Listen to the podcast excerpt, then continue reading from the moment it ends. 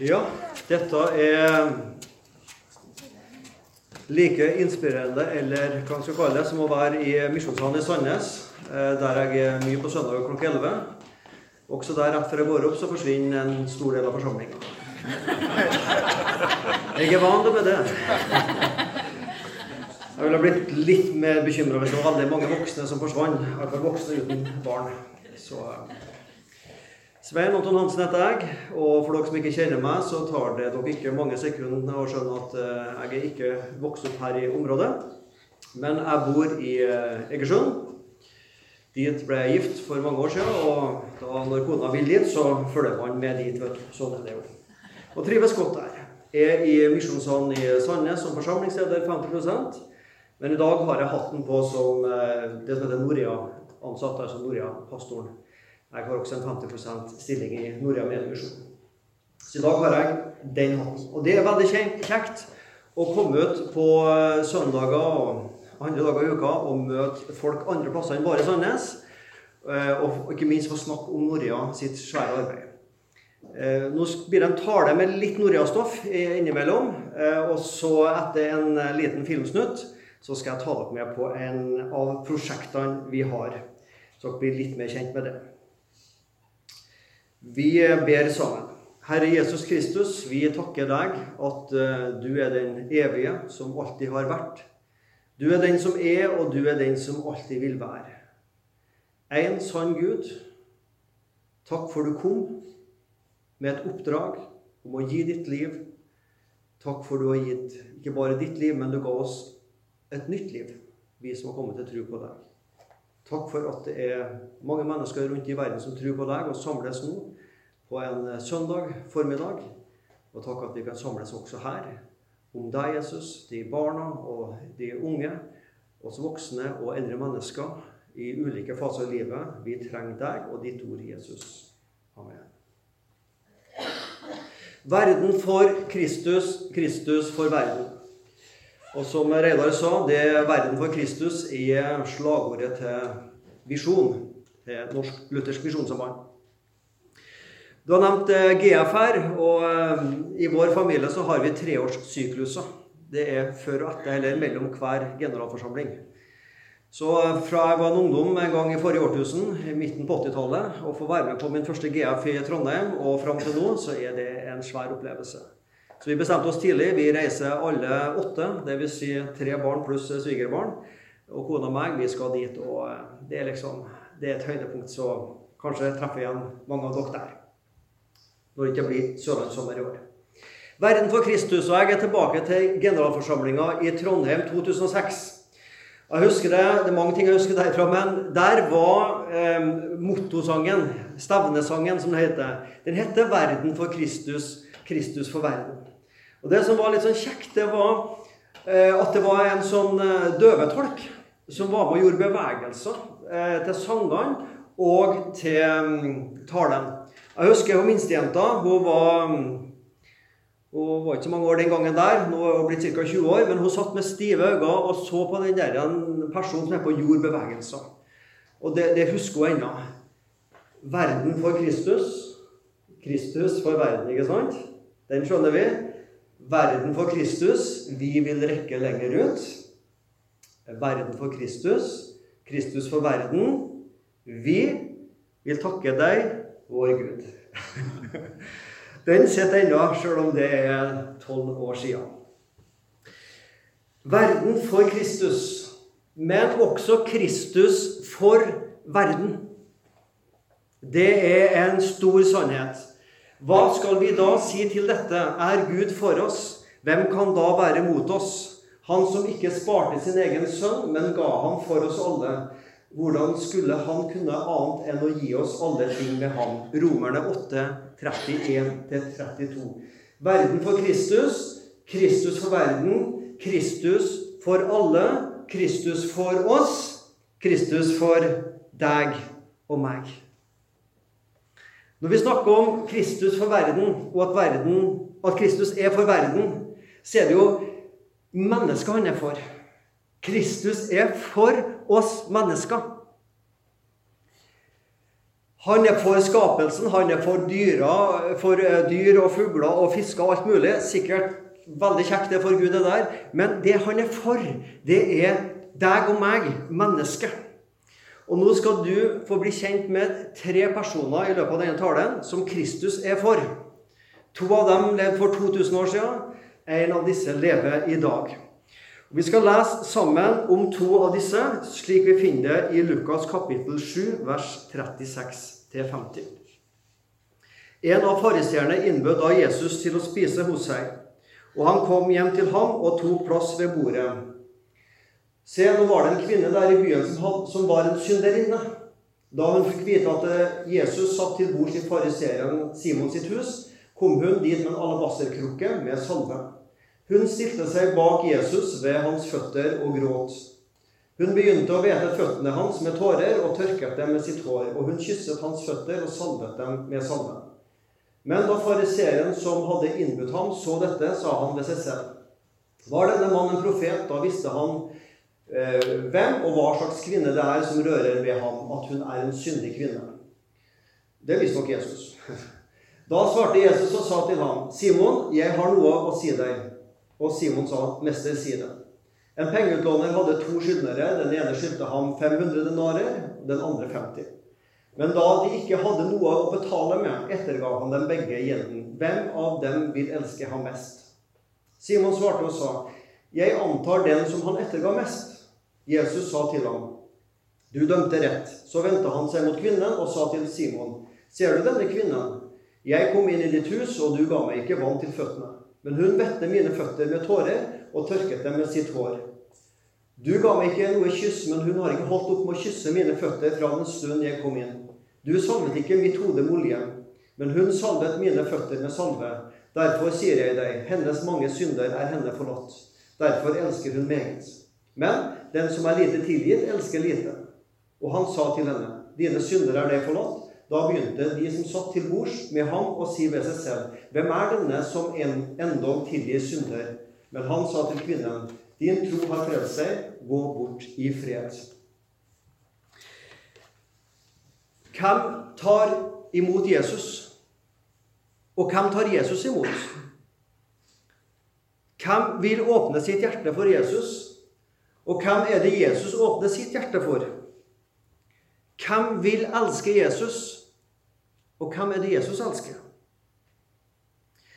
Denne teksten forteller oss om to mennesker som tok imot, åpna opp for sitt hjerte og elska Jesus. Men med litt ulike baktanker og motiver. Fariseeren Simon og denne synderinna som det ikke står navnet på. Mange har opp gjennom tida ment at det er Maria Magdalena, men det er det neppe, sier de som har forska litt på det. Det står bare at hun er en synderinne. Og hva slags synder hun hadde gjort, det vet vi ingenting om. Og det er jo grunn greit, for da kan vi ta det til oss. For vi er også synder og synderinner på våre måter. Hun kommer altså inn på et mannsmøte og bryter noen grenser for høflighet og for god oppførsel og sosial rang. Det hender jo at det er mannsmøter og kvinnemøter i dag. Og vi himler kanskje litt med øynene hvis noen går seg litt vill og kommer inn som en enslig mann på et kvinnemøte, eller motsatt. Men det er ingenting mot at hun kommer inn i dette selskapet med disse åndelige menn med store posisjoner. Og så vet fariseeren Simon, og Jesus visste også, og mange andre, at det livet hun hadde levd, og levd, det var ikke et veldig bra lik. Sjeldnere har vel to så ulike mennesker i sosial rang og ordning møttes. Og da ikke bare synderinna og Simon, men også synderinna og Jesus Kristus. Det fins noen likheter, men det fins åpenbare ulikheter mellom denne kvinna og fariseeren Simon. Hvis vi skulle ha kasta terning, terningkast på moralsk liv, så tror jeg synderinna kanskje har fått et ett-tall, og Simon kanskje har fått et sekstall. Stor forskjell på hvordan, i alle fall utad, de ble opplevd det livet de hadde. Begge to tar en sjanse. Hun tar jo en kjempesjanse med å komme inn på dette møtet. Um, det skjønner vi. Men Det gjør jammen meg også fariseeren Simon. Han inviterer Jesus hjem til seg. Og Du skal ikke ha lest mye i Nytestamentet før du ser at Jesus og fariseere var ikke alltid på, på leia, som jeg sier. ikke sant? De var ikke alltid at det gikk så veldig bra i hop. Så det er klart han tok en sjanse, for han kunne jo fort tenke Simon at skal tro om mine fariseervenner vil være venn med meg fortsatt, når de hører at jeg hadde Jesus på besøk. Begge to møter Jesus. For synderinna så var Jesus målet. Jeg bare må møte Jesus. Han er målet for min søken. For fariseeren Simon så var kanskje Jesus mer et middel. Kanskje han tenkte at uh, den der Jesus er det mye med, og folk snakker om ham. og Det kan jo kanskje være greit å ha det på CV-en at uh, han har til og med spist uh, lunsj hjemme hos meg. Det kan hende at han tenkte litt i de banene. Det er noen åpenbare forskjeller. Kvinna hun var seg sjøl. Hun kunne ikke spille en rolle, for alle visste det livet hun levde. Hun levde en ærlighetsteologi. Fariseeren Simon han eh, sammenligna seg. Han var moralsk indignert over et annet menneske sitt liv. Han ville være noe han ikke var. Han ville være rettferdig. Han ville bygge sin egen rettferdighet overfor Gud med sitt moralske liv. Han var noe han egentlig ikke var. Du husker den fortellinga om fariseeren og synderen i tempelet? Synderen som trodde han var en synder, og det hadde han rett i, men han gikk rettferdig hjem. Fariseeren som trodde han var rettferdig, han gikk hjem fortsatt som en synder. Begge hadde gjort synd. Og når Jesus forteller denne lignelsen med 500 denarer og 50 denarer Vet du forresten hvor mye en denar Det sa de var en dagslønn.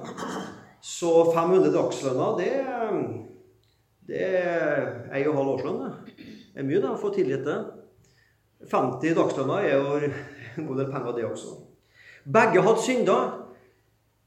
Men Simon tok jo poenget at den som har fått mest tilgitt, i alle fall i menneskelige øyne, vil sannsynligvis elske Jesus mer enn den som har fått lite tilgitt. Og han skjønte jo poenget. Denne kvinnen har åpenbart gjort større synder enn seg sjøl. Så når hun får dem tilgitt, så vil vel hun elske Jesus mer enn jeg som bare vil ha litt sånn Jesus som en sånn fasadepusser for mitt egentlig moralske, gode liv, som jeg tror iallfall. Og Det var det som var Simon sitt problem. Hva slags forhold hadde han til Jesus? Vi kan ikke se inn i Simon sitt hjerte, men det er mulig at han så Jesus mest som en sånn fasadepusser. Jeg har et rimelig greit liv, men Jesus kom og vær meg nær og la, det, la mitt gode liv skinne enda litt mer. Sånn at folk enda mer ser hvor greit jeg lever. Fire f-er. Du kan ha Jesus som en fasadepusser. Du kan ha Jesus som et forbilde. Han kan være en filosof, eller han kan være en frelser. Han er definitivt en frelser og et forbilde. Og han er også en god filosof. Det er mange mennesker som har sitert Jesus opp gjennom årtusener. Men han er definitivt ingen fasadepusser. Han slår heller i stykker de fasadene han prøver å sette opp overfor hverandre. For denne kvinna så ble Jesus starten på et nytt liv. Ikke bare en oppussing av noe som så rimelig greit ut. Og Jesus pussa ikke opp et dårlig liv, men han ga henne et nytt liv. Det å møte Jesus er ikke at vi får et litt bedre liv. At det skinner litt mer av oss. At vi blir litt mer lykkelige enn når vi ikke har Jesus.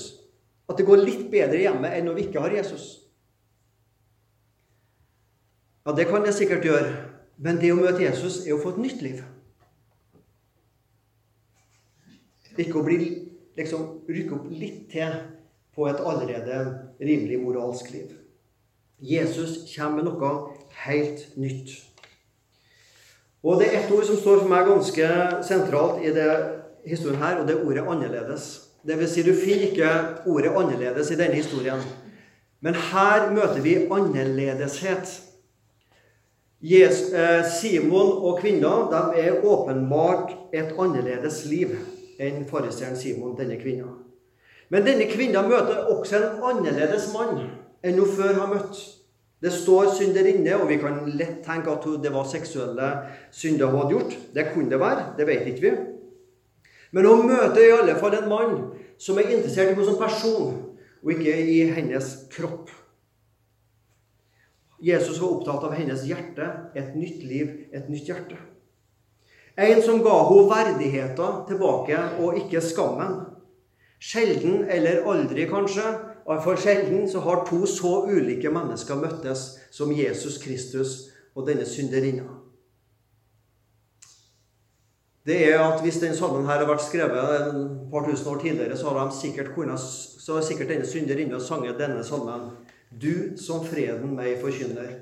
Du en frelser, jeg en synder. Du med amen, jeg med bønn.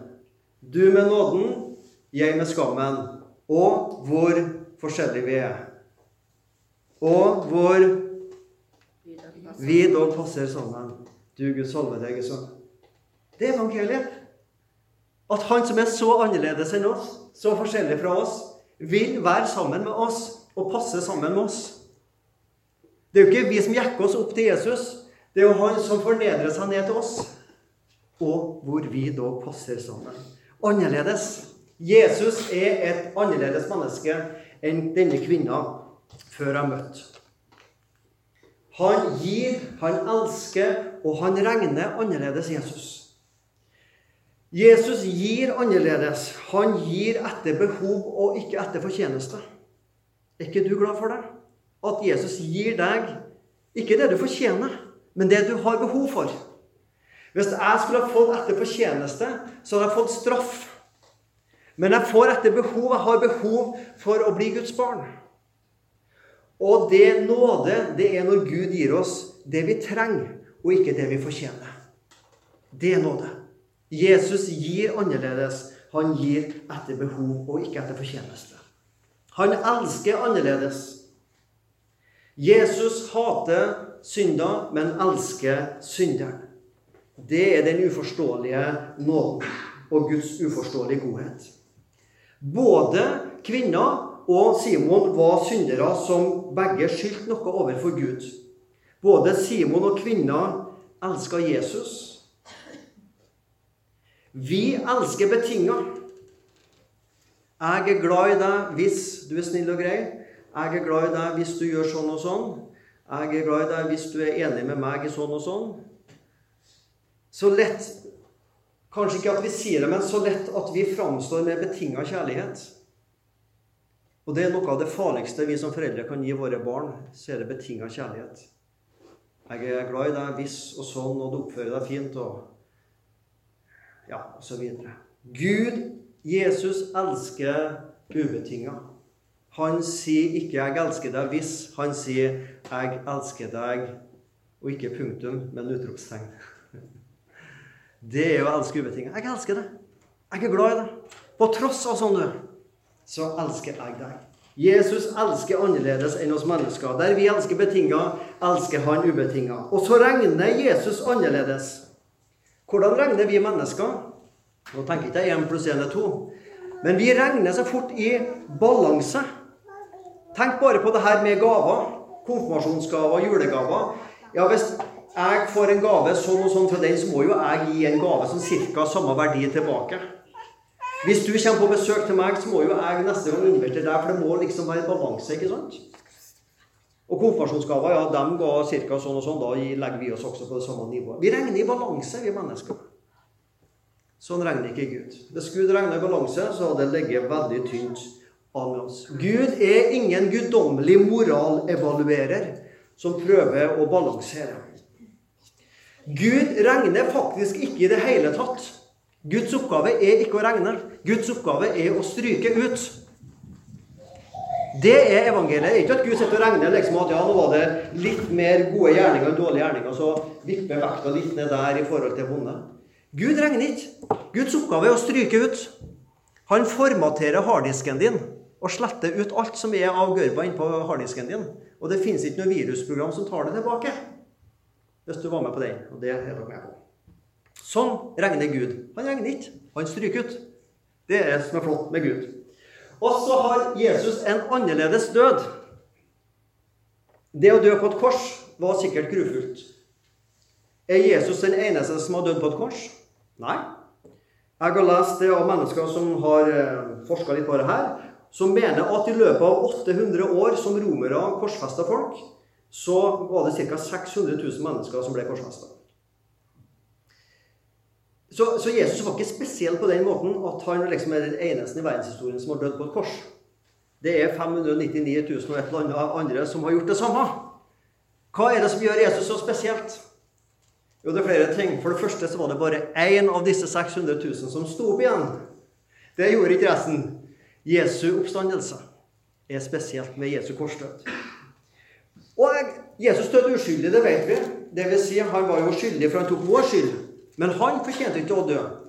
Men jeg er sikker på at det var mange andre også som døde uskyldig på den tida. Men det som er spesielt med Jesus, det er at hans død var under Guds dom. Det var en stedfortredende død i ditt og mitt sted. Det var ingen andre av dem som ble korsfesta, som døde for deg og meg det var kun Jesus Kristus. Jeg lever ikke lenger selv, men Kristus lever i meg. Det livet jeg nå lever, det lever jeg i troen på Guds sønn, som elsket meg og ga seg selv for meg. Kristus for verden. Kristus for meg. Jeg er så glad i dette uttrykket 'for meg'. Det er evangeliet i et nøtteskall. Han som elska meg og ga seg sjøl for meg. Han ga sitt liv for synderen, for vår synd.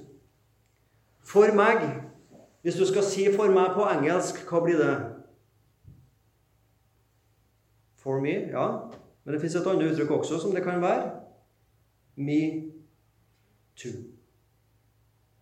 Og disse ordene 'for meg', 'me' og 'to' er to helt nøytrale, følelsestomme ord men når du setter de to ordene sammen, 'me too', så er det så mye følelser. Du kjente det med en gang jeg sa det. Oh, vil jeg tro mange kjente med en gang. Me too. Det starta lenge tilbake, men det tok fart på med Twitter-meldinga i oktober 2017. Sextrakassering, sosiale medier, kampanje uønska seksuell oppmerksomhet. Mange opplevde en Kvinner sto fram med en uønska seksuell oppmerksomhet flere plasser. Og vi har sett det at det har fått konsekvenser i politikken i Norge også. For meg metoo. Jeg har et ønske om en ønska åndelig berøring. Ingen ønsker vi en uønska seksuell oppmerksomhet. Men vi ønsker en ønska åndelig, personlig berøring av Jesus Kristus. Meg også. Metoo. Han som elsker å gå av seg sjøl for alle de andre. Ja, men også for meg. For me too.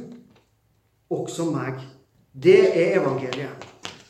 Evangeliet er bare gode nyheter når det, når det når fram i tide. Hvis det kommer fram i tide. Dette var historien i kortversjon om Simon og fariseeren Simon og denne synderinna. Jeg sa innledningsvis at dere få møte tre mennesker. Og dere skal snart få møte den tredje som lever nå. Vi har et uh, prosjekt i uh, Norea Mediemisjon som heter Håpets kvinner. Tidligere heter det Prosjekt Hanna. Og det handler uh, Vi i Norea og sammen med andre i noe som heter Transworld Radio, som er verdens største kristne radiokringkaster, driver med radioprogram inn mot ulike kvinnegrupper rundt om i verden. Gi kvinner trøst, oppmuntring og håp, forbønn og praktisk omsorg. Håpets kvinner driver i ca. 125 land, 85 språk, og det er ukentlig ca. 50 000 kvinner og menn som er med og ber ukentlig for bønneemnene som Håpets kvinner har. Målet og hensikten er at kvinnene skal bli glad i Jesus og vite at de er verdsatt av han. Og Her ser dere også de landene der vi i Norea er med og sponser eh, radiosendinger inn mot. Det starta i Albania og Etiopia, Kambodsja, Kenya, Somalia, Tanzania, Turkmenistan og Usbekistan. Og Enkelte av disse landene er land der vi ikke kan sende inn vanlige misjonærer. Der det står misjonær eller prest eller ikke sant, i passet. Hvordan skal vi komme inn dit? Jo, vi bruker radiosendinger. Håpets kvinner fins også i Norge. I november i fjor hadde vi en kvinnekonferanse i Sandnes Sola-området.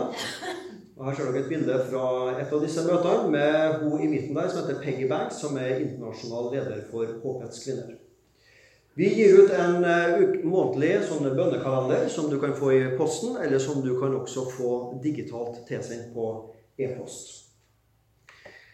Nå skal du få møte en kvinne som heter Elisabeth. Elisabeth fra Zanzibar. Um, hun er det laga TV-program om, og hvis du har sett um, våre TV-program som vises på Visjon Norge på lørdager halv åtte om kvelden, så har du kanskje sett det programmet om Elisabeth fra Zanzibar. Hvis du ikke har det, og det er kanskje flere som ikke har, så skal jeg i kort tekst si hva denne historien er. Elisabeth hun eh, vokste opp med en far som var en heksedoktor. Og for å bevise at han var en skikkelig heksedoktor, så måtte han ofre sin egen sønn. Altså virkelig ofre sin egen sønn. Sånn at Elisabeth hun så storebroren og faren gikk ut i skogen, og faren kom alene hjem igjen. En dag så gikk han inn i ei kirke, denne faren. Han gikk inn som en heksedoktor. Han kom ut igjen som en kristen. I dag er han faktisk pastor. Han fikk seg ei ny kone som fikk veldig betydning for Elisabeth.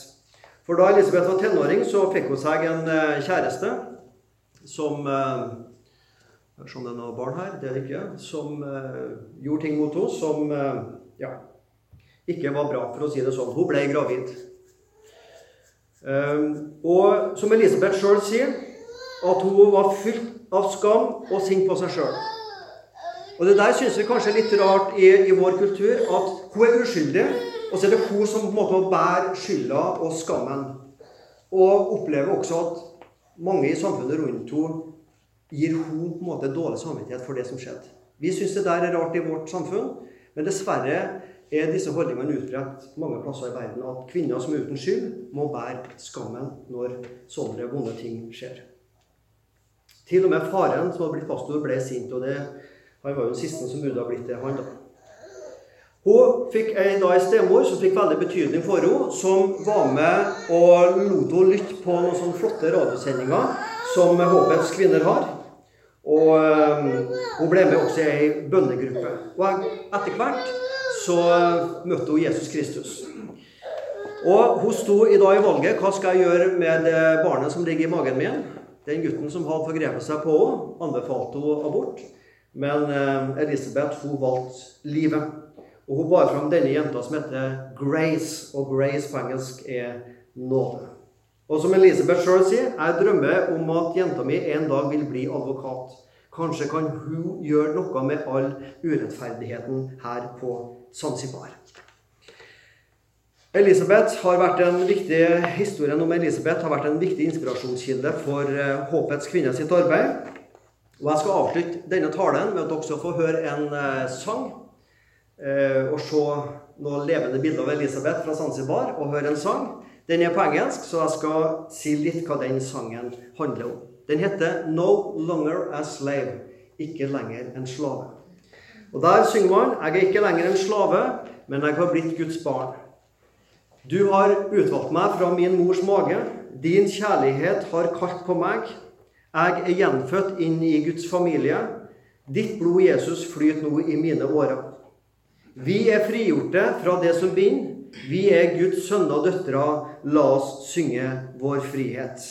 No longer a slave når Jesus kommer inn. Hør på denne flotte sangen med bilder fra Elisabeth sitt liv.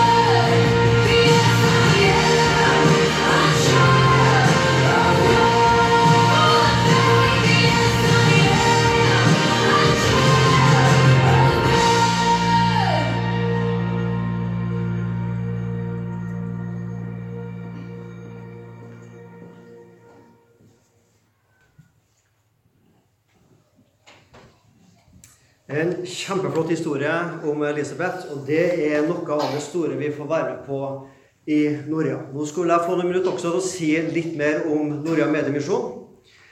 Eh, og dere som er eldre enn meg, og kanskje både 10, og 20 og 30 år eldre enn meg, eh, tenker fort radio. Norea Radio. Det var det en del av dere vokste opp med når dere var små. Dere som er blant de eldste nå. Og Norea Radio ble starta i 1956, så vi hadde 60-årsjubileum for ca. Ja, to år siden. Det var noe av det første som kom til Norge av sånn annet enn NRK på radio. Det var kortbølgesender først fra Tanger i Nord-Afrika, og så fra eh, Monaco. Eh, og ble sendt inn til Norge. Så skal ikke jeg dra hele den historien, men Norea har utvikla seg fra å være Norea Radio til å bli Norea Mediemisjon. Vi er på radio, vi er på TV, vi er på Internett. Vi er med og støtter nettbrett til teologistudenter som sitter i Kina og får undervisninga gjennom nettbrett og gjennom radio. MP3-spillere som radio du snurrer på for å få strøm på, sånn som vi så på filmen her. Det er noe av det store arbeidet vi er med på i Norea Mediemisjon. Jeg skal ta dere med til Tyrkia, av alle plasser. Fordi når vi tenker Tyrkia jeg tror, Når jeg sier vi, så tror jeg mange av oss tenker vi tenker badeferie. Vi tenker også islam, og vi kan også tenke bomber og terror, som de har vært dessverre ramma av de siste åra i Tyrkia. Tyrkia er et svært land, et eh, bredt, langt land, som eh, er på en måte som binder Asia og Europa sammen. Veldig i skjæringspunktet mellom vestlig påvirkning og østlig islamsk påvirkning.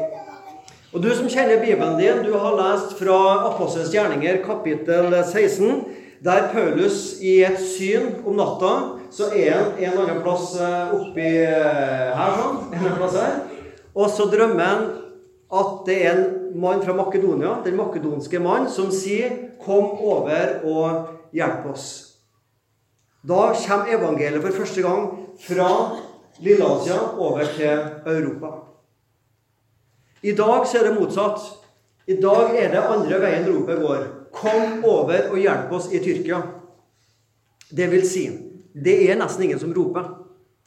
Det å tro at det, at det står noen og roper 'Kom og gi oss evangeliet', det er misjonsromantikk. Det er ingen som venter, som Asbjørn Aavik skriver i boka si 'De venter'. Det er misjonsromantikk. Det er ingen som venter. Men det er et usyn, uhørlig rop.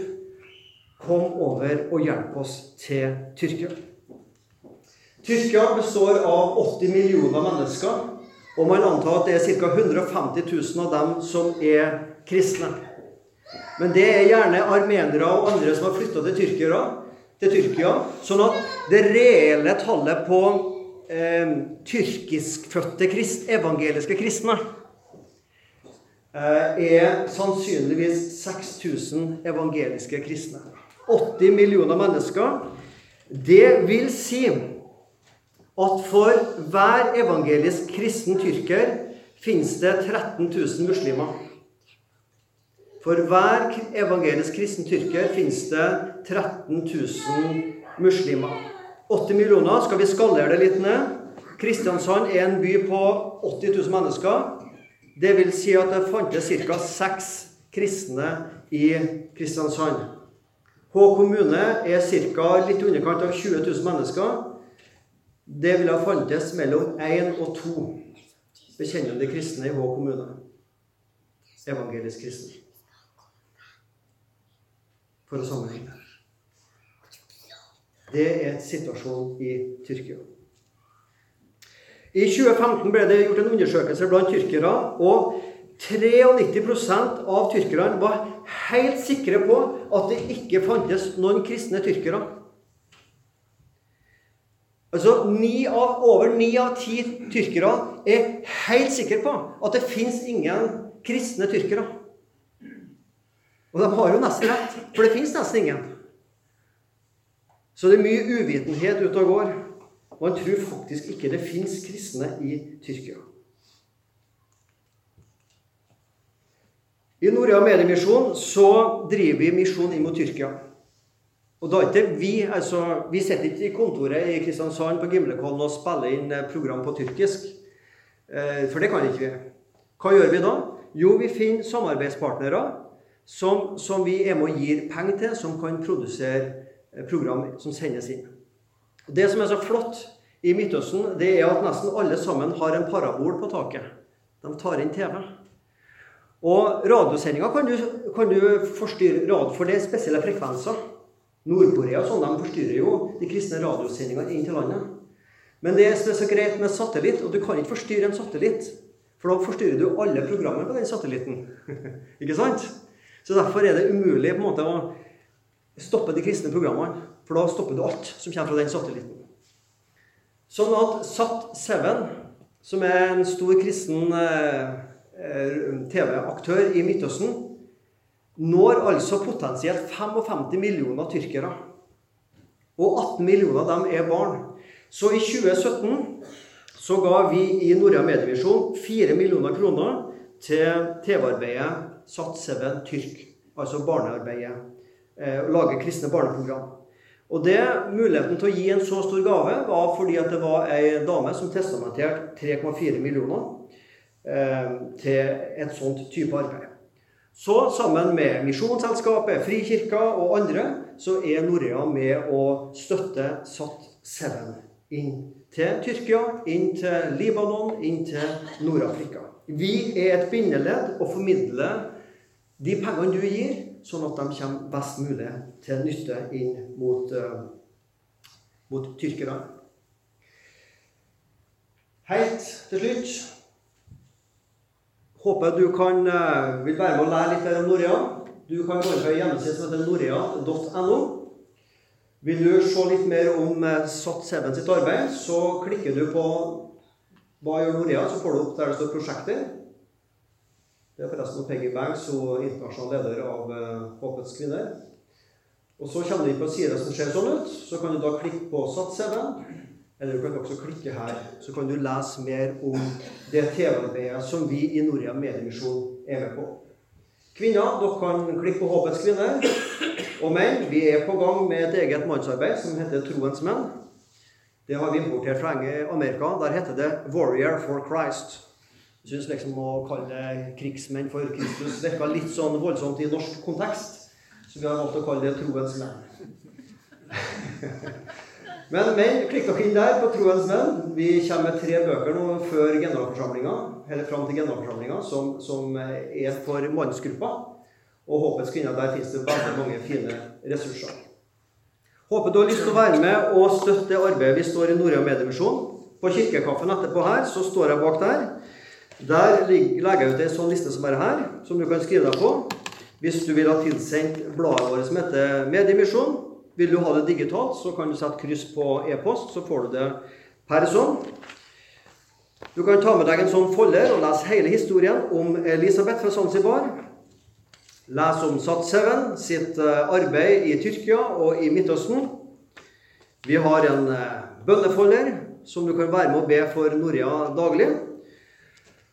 Og hvis du fortsatt har en sånn som heter CD-spiller, så kan du få med deg årets, dvs. det vil Si fjorårets juleplate. Der er det et lengre intervju med Odd Dubland. Jeg har igjen noen CD-er der, så få det med deg. Jeg blir stående der og tar gjerne en prat med deg. Og lurer du på det her med fast givertjeneste også, så snakker jeg veldig gjerne selvfølgelig også om det med deg. Takk for at jeg fikk komme hit til Vigrestad og fortelle om Norea. Og takk for den kollekten du vil være med å gi til oss nå etterpå.